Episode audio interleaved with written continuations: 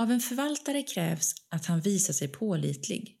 Första Korintierbrevet kapitel 4, vers 2. En artikel i serien Vad säger Bibeln? av Jakob Andersson. Förmodligen använder du inte ordet förvaltare så ofta.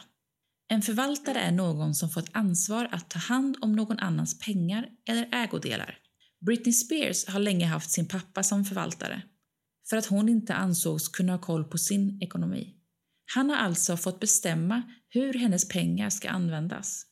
Men pengarna var hela tiden hennes. I Bibeln står det mycket om att förvalta. Jesus berättar flera liknelser om personer som får i uppdrag att förvalta grejer. Det Jesus menar, som också är tydligt på andra ställen i Bibeln, är att vi människor är förvaltare av Guds grejer. Allt som finns tillhör Gud och därmed är allt som vi har sådant vi fått låna av honom.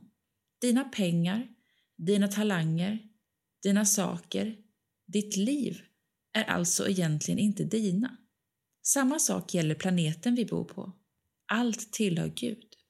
Att vi är förvaltare och inte ägare förändrar totalt hur vi ser på vårt liv och våra pengar.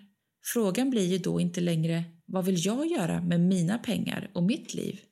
Utan vad vill Gud att jag ska göra med de pengar och det liv som han gett mig att förvalta?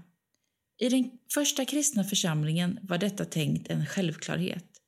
I Apostlagärningarna 4, 34-35 läser vi hur de sålde allt de ägde och gav alla pengarna till församlingen och de fattiga.